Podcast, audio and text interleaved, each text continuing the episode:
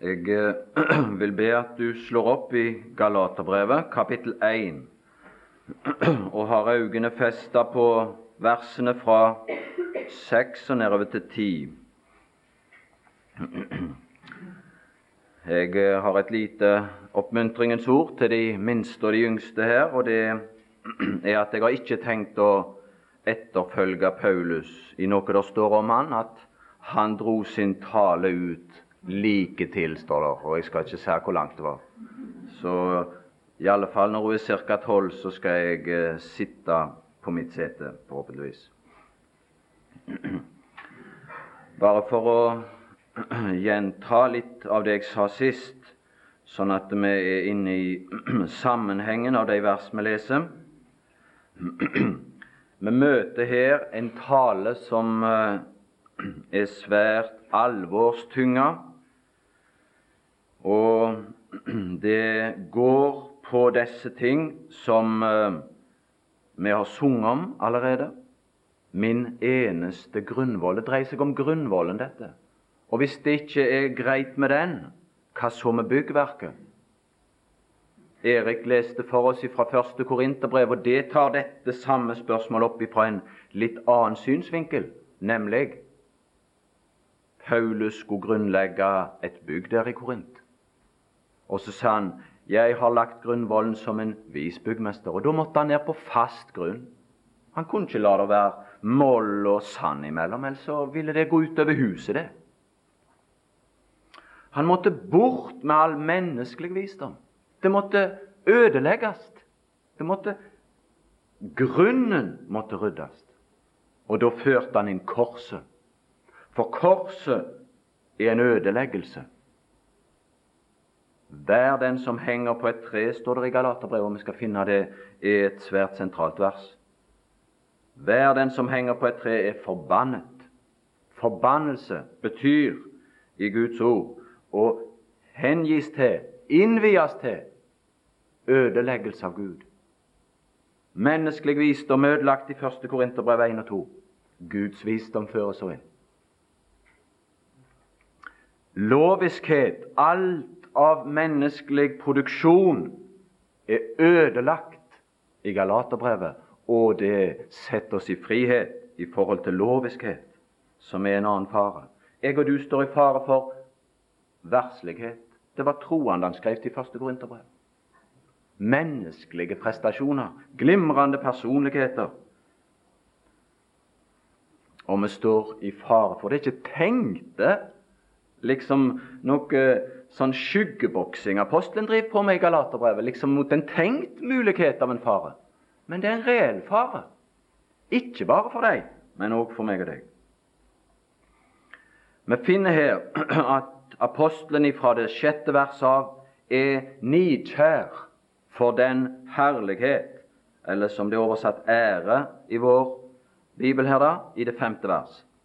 Han er nidkjær for at den for all del ikke må bli tilsløra, tildekka, ved den forkynnelse som nå disse kristne i Galatia var utsatt for. Og dette er grunnen til at brevet skrives. Apostelen taler her, som han har presentert seg i de innledende vers, som Kristi apostel, som han står direkte ansvarlig for, og som, er, som er den eneste som han er lydig mot så undres han over at dette skjer så snart i det sjette vers. Så snart. Og, og, og jeg tror enhver som er åndelig vaken i denne tid, vil, vil innse det kan gå veldig snart. Du kan se deg omkring. Det går veldig snart. Vender dere fra ham Dette er det alvorlige. Å gå inn for loviskhet i en sterkere eller mindre sterke grad medfører dette at dere vender dere bort fra ham. Du taper Gud på den vei. Det å forkaste Gud er et frafall fra Gud. Du skjønner, med en gang du går inn for et lovisk system, så kommer forhenget opp igjen. Det er ingen direkte inngang til Gud i jødedom, i loviskhet. Forhenget henges opp. Du blir på prøve, du blir utenfor. Det kommer inn sånne som det står om i kapittel 4, vers 1-3, der denne tilstand beskrives, så står det at du er akkurat som en trell. Det er ingen forskjell så lenge du er barn og trell. Du har formyndere. Det er de som kommer imellom. Du har ingen direkte tilgang til Gud. Du kan ikke gå rett inn. Du kan ikke la Gud, Fader, være som et hjem for deg. Og det er den alvorlige følge for enhver som går inn på den vei. Ved Kristi nåde, for det er det som er evangeliet. Kristi nåde. Disse som er født, som omtales i Galaterbrevet, de er født like som Isak. Og Isak var Saras barn, og Galaterbrevet forklarer det som at Sara står for den nådens pakt. Og det er på den grunn jeg og du kan bekjenne at vi er løftets barn. På ingen annen måte. Så, så kommer vi til et litt underlig uttrykk i slutten av det sjette vers og begynnelsen av det sjuende. Til et annet evangelium, skjønt det ikke er noe annet. Det virker litt underlig, kanskje, på norsk, men det som er kanskje verdt å, å gjøre oppmerksom på igjen, det er dette at ordet 'annet' i vers 6 betyr 'annet av et forskjellig slag'. Et som er vesensforskjellig, artsforskjellig. Altså Vender dere bort fra ham som kalte dere ved Kristi nåde, til et annet evangelium, av et annet slag. Og så må han liksom i vers 7 gå tilbake og si eh, det må ikke oppfattes sånt. Det må ikke oppfattes sånt, sier han liksom i, i, begynnelsen på det sjuende vers, at, eh, at jeg vil gi den forkynnelse navn av å være evangelium, for det er ikke det. Og Derfor så sier han skjønt det er ikke noe annet. Og det betyr annet, annet av samme slag. Det er av en annen slag, det der. Men ikke av samme slag som det sanne evangelium.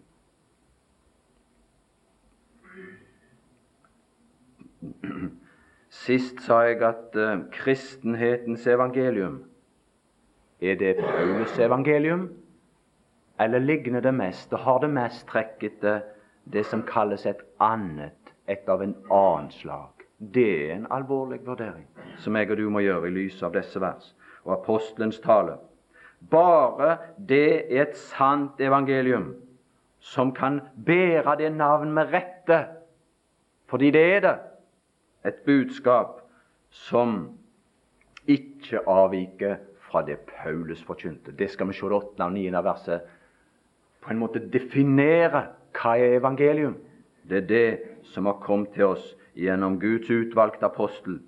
Så kommer dette underlige ordet 'bare' der nede i det sjuende vers.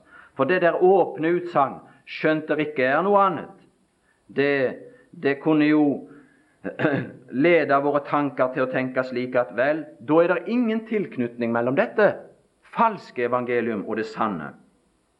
Men da er det jo ingen som går feil da. Hvis det er ingen tilknytning, så er det ingen som vil bli forvirra. Det er ingen som vil bli bedratt. Men poenget er det Skjønt det er ikke noe annet. Det er bare det er bare det er et forbehold her. Og det forbeholdet er dette at Forbeholdet dette at det er noen som vil forvirre dere og forvrenge Kristi evangelium. Og der, deri ligger faren. Paulus sier dette, at det er en forbindelse med det sanne. Det er en likhet til det sanne. Det er et forsøk å forvirre ved dette nye budskap. Å forvrenge. Det er ikke bare at de, de ville forvrenge det var ikke deres budskap i og for seg, for det var en forvrengning av evangeliet. Men de ville søke å forvirre galaterne og forvrenge det de hadde mottatt. For hva hadde de mottatt, disse galatere? Se ned i det niende vers. Det som dere har mottatt. Hva hadde de mottatt? De hadde mottatt budskapet ifra apostelen Paulus. Og vi kunne spørre videre var Paulus ukjent med denne tale som disse som nå var kommet til Galatia, førte? Var, var, dette et system som Paulus var ukjent for? Nei, du skal se at fra det 13. verset nedover i dette kapittelet og ellers utover, så fører han inn sin egen erfaring. Og hva han var blitt til under et sånt system. Han var ivrigere enn alle de andre og gikk inn for dette med liv og sjel og med all sin kraft inntil den dag utenfor Damaskus. For da falt dette i grus for ham. Og hva hadde det gjort han til? Det står en plass at han sa at han var etter loven ulastelig, men han hata Kristus. Hva system er det? Han var blitt en voldsmann, en forfølger av menigheten. Det er det lovens system hadde utvikla og tilskynda i apostelens liv. Han kommer til å si det i det tredje kapittel med uttrykkelighet at den type forkynnelse framskynder overtredelse. 3.19. Det skal vi komme til senere. Bare et lite sånn sidesprang før vi da går til det 8., 9. og 10. vers, som ikke skal gjøre dette liksom uten en tilknytning til vårt eget liv. Hva vil det utvikle i ditt liv og i mitt liv om jeg går inn under dette? Det, det kan du se på litt hvis du blar opp i det femte kapittel. Og det er meget alvorlig tale. Vi skal selvfølgelig komme tilbake til det, men bare litt kort. For å se hvor jeg og du må være på vakt. For det var til troende, dette. Det var til like sånne som hadde hørt apostelen Paulus og mottatt det han hadde sagt, som var utsatt for faren. Tror du ikke jeg og du er utsatt for en fare? I en betydelig større grad. Hvis du ser der fra det 13. vers i det 5. kapittel For det er ikke bare spørsmål om frelse. Det, det er det, altså. Men det, det går på noe langt mer omfattende. Og hvis du ser i Han, han, han er nokså kvass i pennen i det tolvte vers, Paulus der. Se det. Han har ingen toleranse overfor de som ødelegger kristen sannhet og kristen frihet. Ingen toleranse. Men i virkeligheten så ville disse oppreholde loven og være innunder loven. Hva skjedde så? Det er det disse vers forteller oss. Jo, det skjedde at nettopp det loven krevde, ble tilsidesatt. Det er et tankekors. For dere ble kalt til frihet, brødre. Bruk bare ikke friheten til en leilighet for kjødet, men tjen hverandre i kjærlighet. For hele loven er oppfylt. Loven, å, dere som vil så absolutt være under loven. Loven er oppfylt i dette bud. Du skal elske de neste som deg selv. Men gå nå og se på tilstanden iblant dere, galatere. Hvordan er det? Hvordan er det? Dere vil være der under. Og det at dere vil være der, ødelegger at det som loven krevde, kunne finne sin oppfyllelse. Hele loven er oppfylt i det, et bud, i dette du skal elske det neste som deg selv. Men dersom dere biter og eter hverandre hvordan kunne dette ha seg? Jo, du skjønner at uh, loven, den er krav, den. Og hva forutsetter den? Hvis ikke du skal forkaste og ville stå på den grunn, jo, da må du forutsette det. Hvis du går inn under loven, så forutsetter du at du regner med at du har full evne til å møte kravet. For ellers vil du si jeg kan ikke stå på den grunn. Jeg kan ikke leve under de betingelser. Så, med, så sant du går inn under lovens krav, så betyr det at du godtar og akseptere at du er i stand til og har evne til å møte disse krav, disse fordringer. Og det er kun egenrettferdigheten som kan finne trøst i en, et slikt prinsipp. Og det har ingen ømhet i seg overfor medtroende.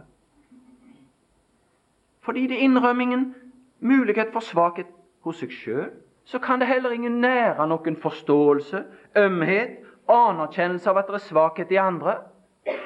Og derfor, og derfor så produserer det dette som står i det 15. vers, men dersom dere biter og eter hverandre.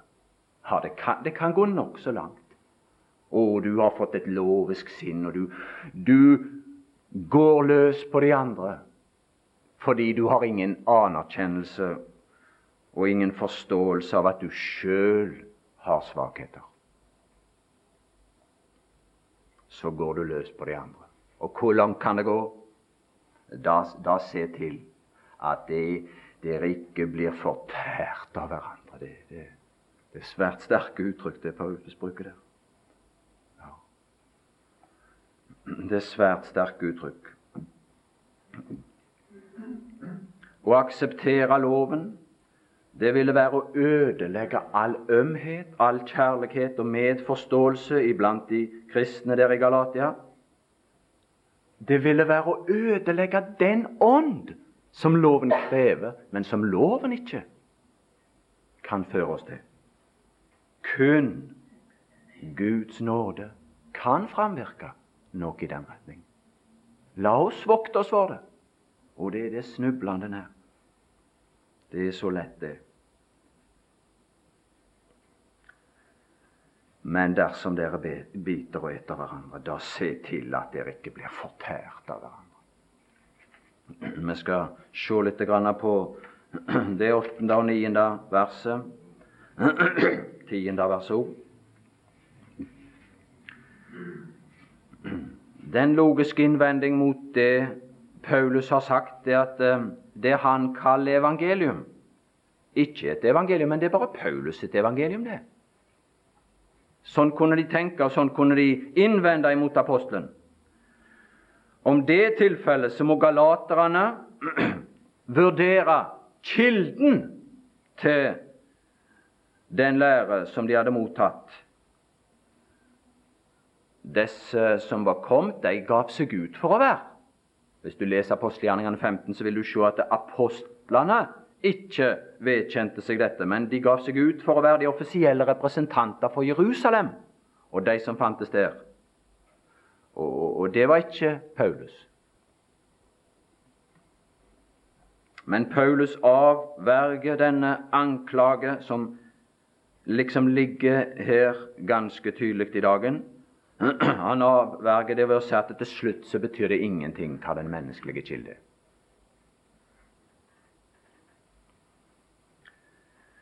Han sier, men selv om vi han Selv om vi Og så går han et skritt videre, og så sier han eller en engel. Ja, hva kilden er.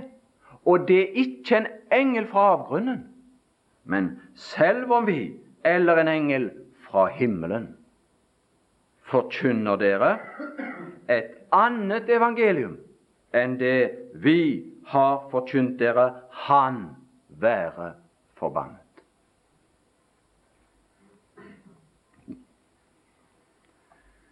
Hvordan hadde de mottatt Paulus når han kom der første gang? Se i kapittel 4, vers 14. De var svært velvillige den gang. Se i slutten på det 14. vers der. Dere tok imot meg som en Guds engel. Ja, som Kristus Jesus. Der hadde ikke vært noen innvendinger der imot mot apostelen. Det hadde vært en sånn hjertelig mottagelse som en engel. Men hvis du ser i 2. Korinterbrev, kapittel 11, og vers 14 og 15, så vil du se at det er andre som kan skape seg om til å være en engel. 14 og 15 leser jeg andre kor 11. Og det er intet under, for Satan selv skaper seg om til en lysets engel. Han kunne komme til det i den skikkelse. Og, og kom han til noen i den skikkelse? Ja, Derfor er det heller ikke, er det ikke noe stort om, og hans tjenere skaper seg om til rettferdighetstjenere. Å ja, rettferdighet. Krav om rettferdighet. Djevelens representanter.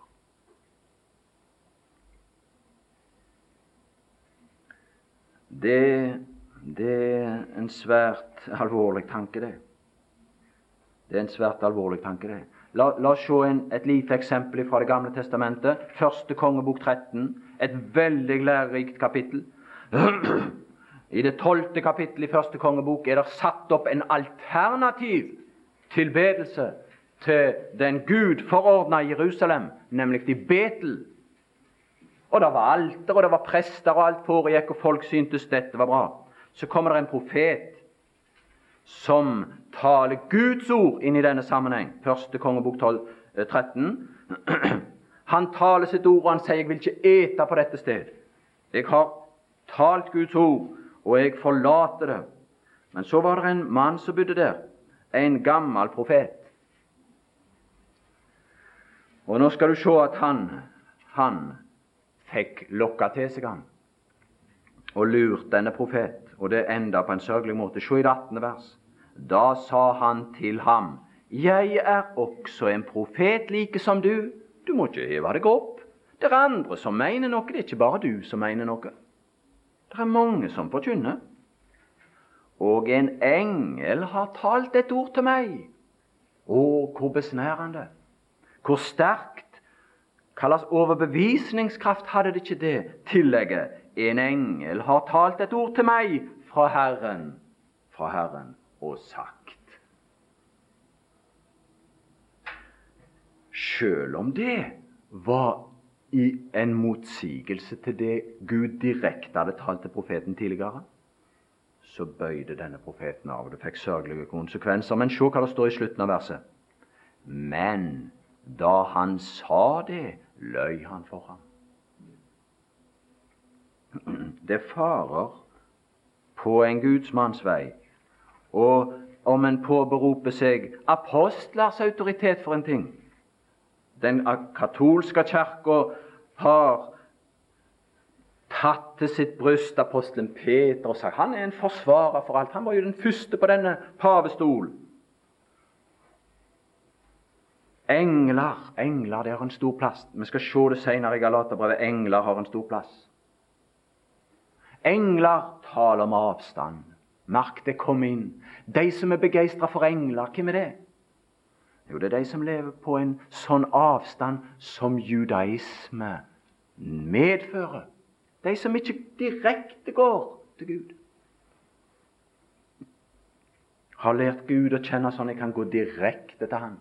Det er mange troende som jeg har hørt sagt. Å, det er godt å ha en engel som på en måte beskytter meg.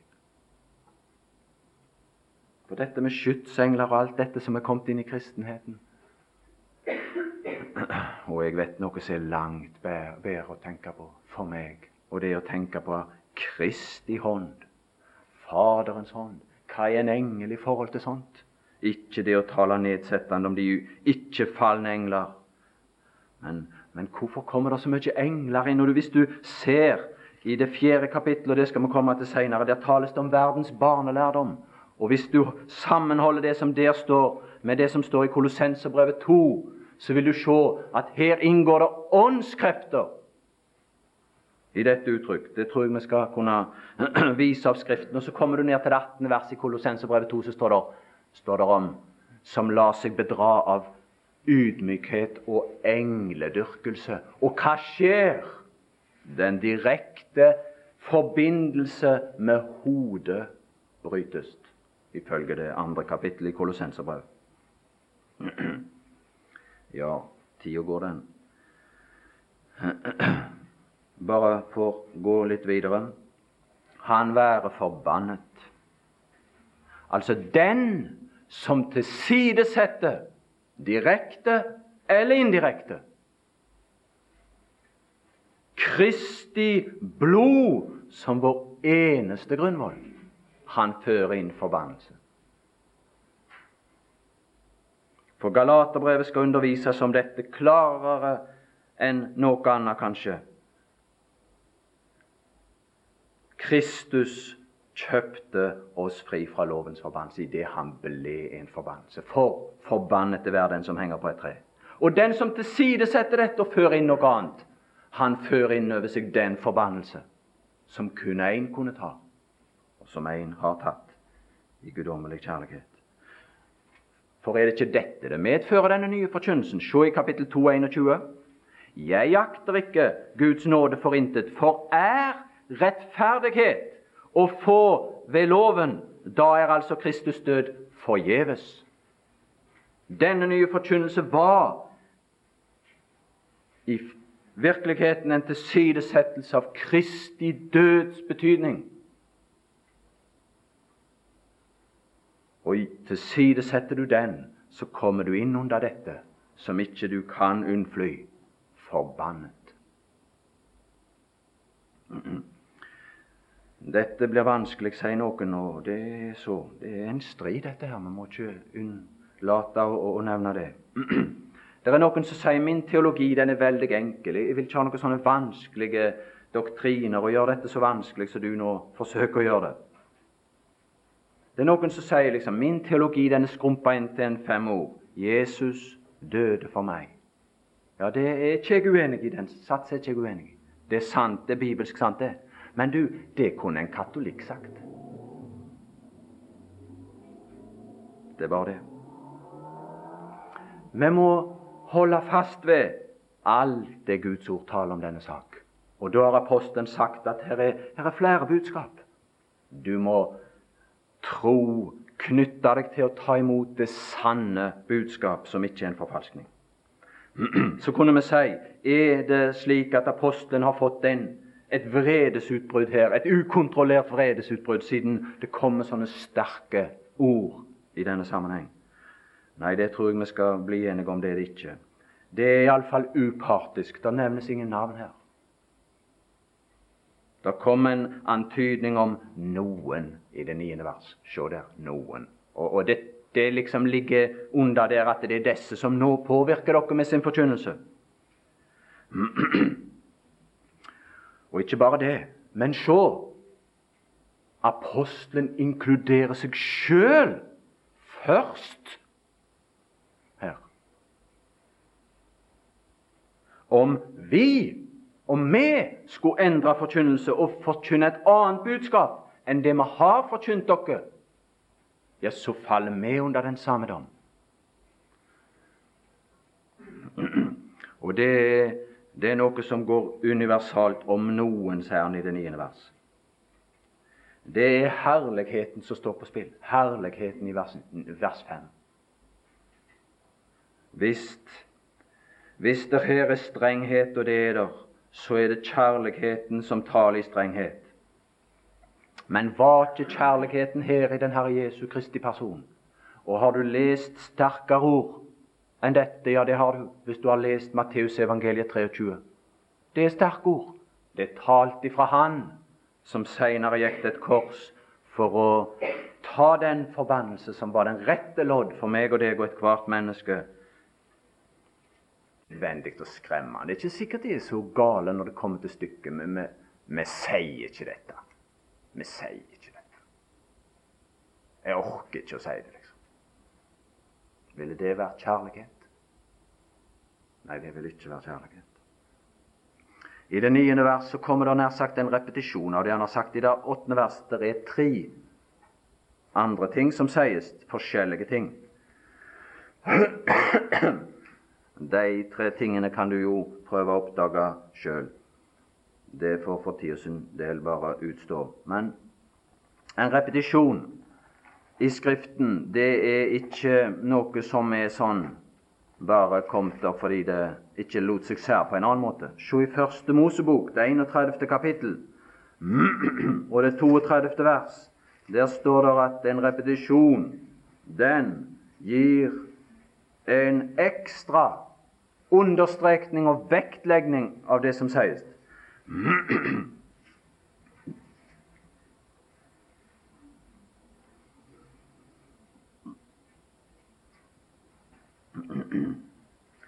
Men at drømmen kom to ganger, det kan du lese om ovenfor, for farao, det vil si det, det, er uten betydning. Nei, det vil si noe til oss. Ja, ja, det står stort sett det samme i det niende verset som hopper over det. Nei, du må ikke det. Det vil si noe til oss, nemlig at saken er fast besluttet.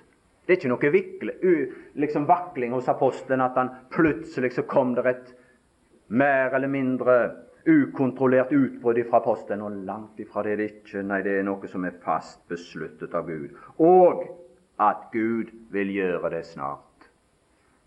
Vi kommer til det niende vers, og det som er verdt iallfall å merke Jeg har gitt et løfte her som ikke jeg har så lyst til å skuffe, men, men se nå der han sier 'som vi før har sagt'. Det er ingen nydomsavsigelse over denne form for forkynnelse han nå kommer med. Tydeligvis må han opp på et tidligere tidspunkt, mens han ennå var iblant de, karakterisert denne judaismens forkynnelse på samme måte. Det er ikke noe uoverveid. Som vi før har sagt. Ja, her er det en konsekvent forkynnelse som vi før har sagt. Det er ikke noe nytt. Det er ingen ny dom jeg uttaler i dette tilfellet. Men det er den samme dom over de samme ting. Se i det åttende vers står det et annet evangelium enn det som vi har forkynt dere. Her er definisjonen på hva som er det sanne evangelium. Det er det Paulus har forkynt. Se i det niende vers. Om noen forkynner dere et annet evangelium enn det dere har mottatt. Det er motsatsen til det som fullstendiggjør bildet. Apostelen sto for forkynnelsen. Galaterne tok imot. Og at det var det sanne evangelium, det vil vi se lenger utover i brevet. Se f.eks. i kapittel 3 og vers 2. Er det noe som må suppleres? Er det noe tillegg? Er det noe mangler i Paulus forkynnelse som gjør at det ikke er et frelsens budskap, det han brakte, som de forkynte, og som galaterne tok imot? Nei, Se dere i kapittel 3 vers 2. Bare dette vil jeg få vite av dere. Var det ved lovgjerningen dere fikk Ånden? De fikk Ånden ved den forkynnelsen. De måtte ikke vente fordi det var en mangel ved hans forkynnelse. Nei, når de mottok det budskap i evangeliet som han brakte, så mottok de og Ånden ved det. Og det står til like at han utførte kraftige gjerninger iblant de. Og du kan se i det fjerde kapittel at han sier som så at de kjente Gud. For en rikdom! Se i det åttende og niende vers der. Men nu, da dere kjenner Gud Det er et sterkt uttrykk, det. Ja, det som mer er, er kjent av Gud. Det evangelium hadde brakt i disse velsignelser. Det hadde brakt i disse velsignelser. Men nå var det kommet noen som forstyrra dem. Og han måtte utrope et forbannet over enhver annen forkynnelse som avveik fra den forkynnelse apostelen førte, og som vi nå har i hans skrifter. Og det er det som er prøvestein på all sann forkynnelse i dag. Om det er Paulus evangelium, eller om det er et annet som er av en annen art.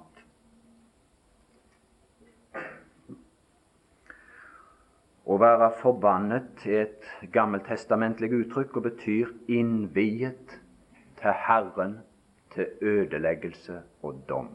Paulus bruker det en plass til. Det tror jeg vi skal ta med.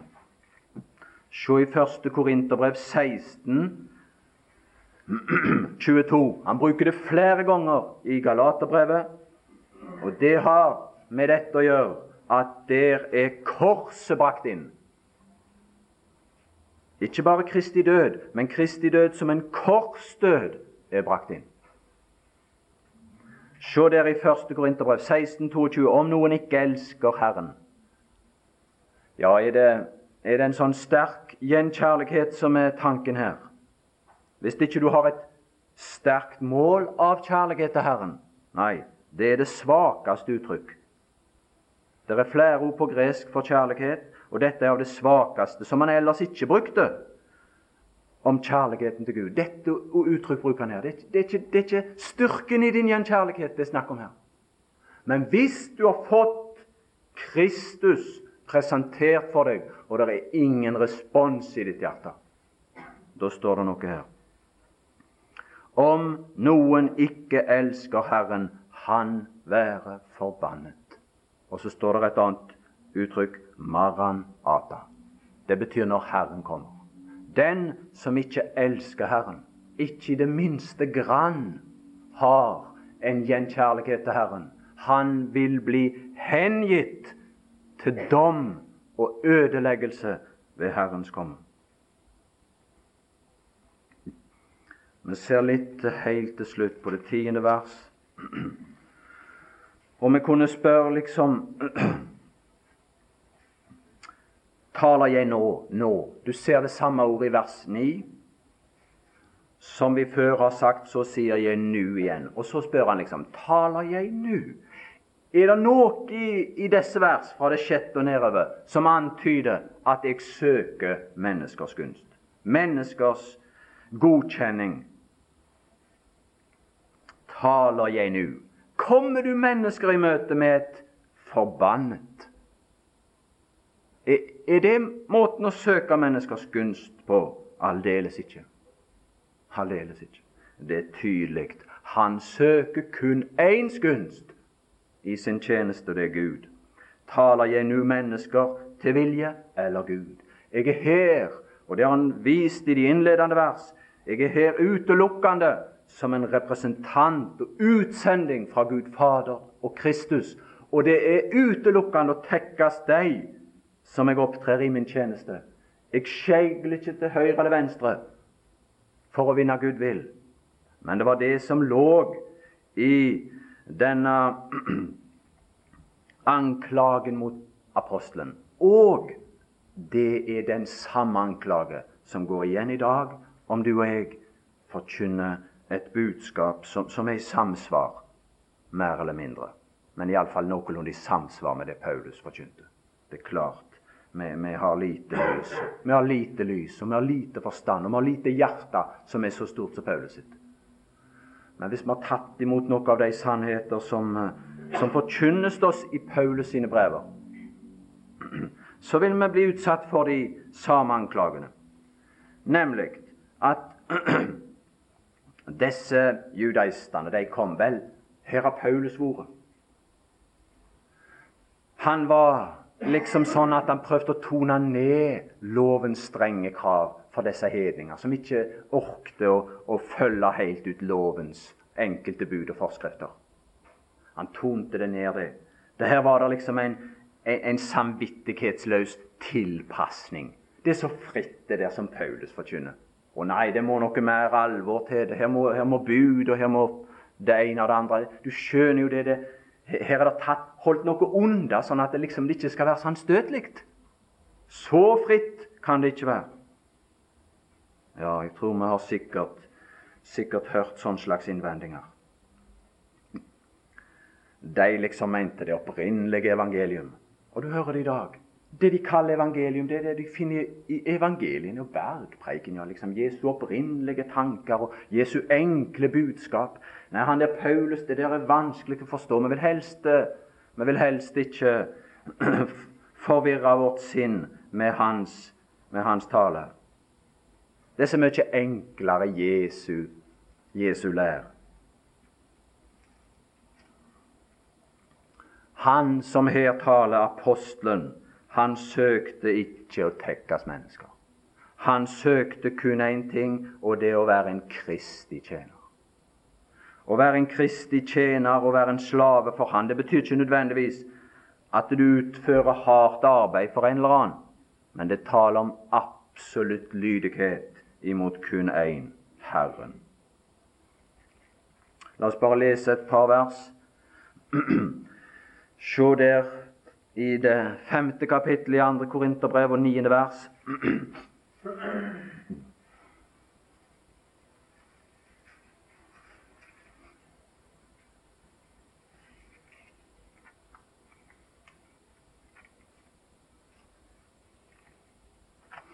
Der står det Derfor setter vi òg vår ære i, enten vi er hjemme, altså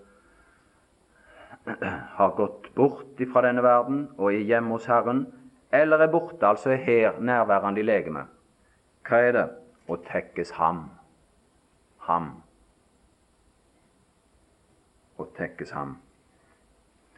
Men apostelen søkte under denne synsvinkel og å tekkes mennesker. Men vi må ikke, vi må ikke forkludre hans tale. Se, i Romerbrevet det 15. kapittel, bare, bare sånn at det har vært nevnt.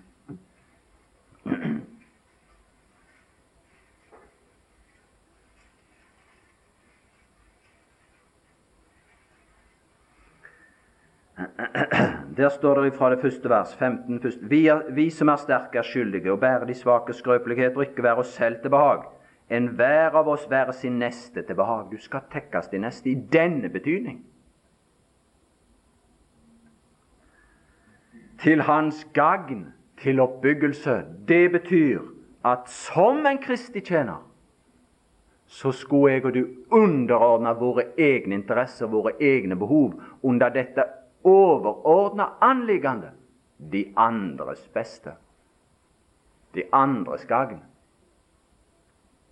Og det gjorde Paulus når han var i Galatia, det gjorde Paulus ellers. I så måte så søkte han å tekkes mennesker, men han søkte å tekkes mennesker som en kristig tjener. Se i det tredje vers, for Kristus levde heller ikke seg selv til behag. Ikke seg selv. Men han søkte, når han var her, den Herre Jesus, å opptre til de andres gagn i sin tjeneste for Gud. Og det skulle jeg og du gjøre.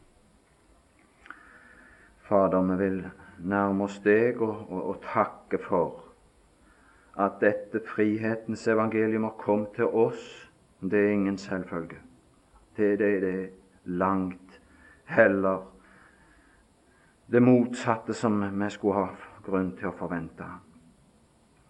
Din apostel satte de i et fengsel, og de lukka han inn, og, og hans forkynnelse har vært lukka inn og, og, vanskelig tilgjengelig for dine barn opp igjennom alle tider, og at vi skulle ha den lykke at det var noen av dine tjenere som brakte det til oss. Det har vi grunn for i dag å takke deg, Fader. Jeg vil takke deg for den frihet som enhver som tror på deg, eier i Kristus. Og vi ber for hverandre om at vi måtte ta apostelens ord til etterretning når han har ført oss til frihet, at vi står fast i den frihet. Til ære for ditt navn, Fader, som sendte din sønn, som tok forbannelsen i vårt sted. Og vi vil ikke tilsløre denne herlighet som utelukkende tilkommer deg, at du ved ditt blod gjorde oss fri, fullkommen fri. Måtte basunens røst være klar fra vår munn og ifra enhver som taler ditt evangelium. Det ber vi om, til ære for ditt navn, men òg til gagn, til gagn for alle dine og til de som måtte bli dine ved troen på evangeliet. Dette ber vi om og takker i den Herre Jesu navn. Amen.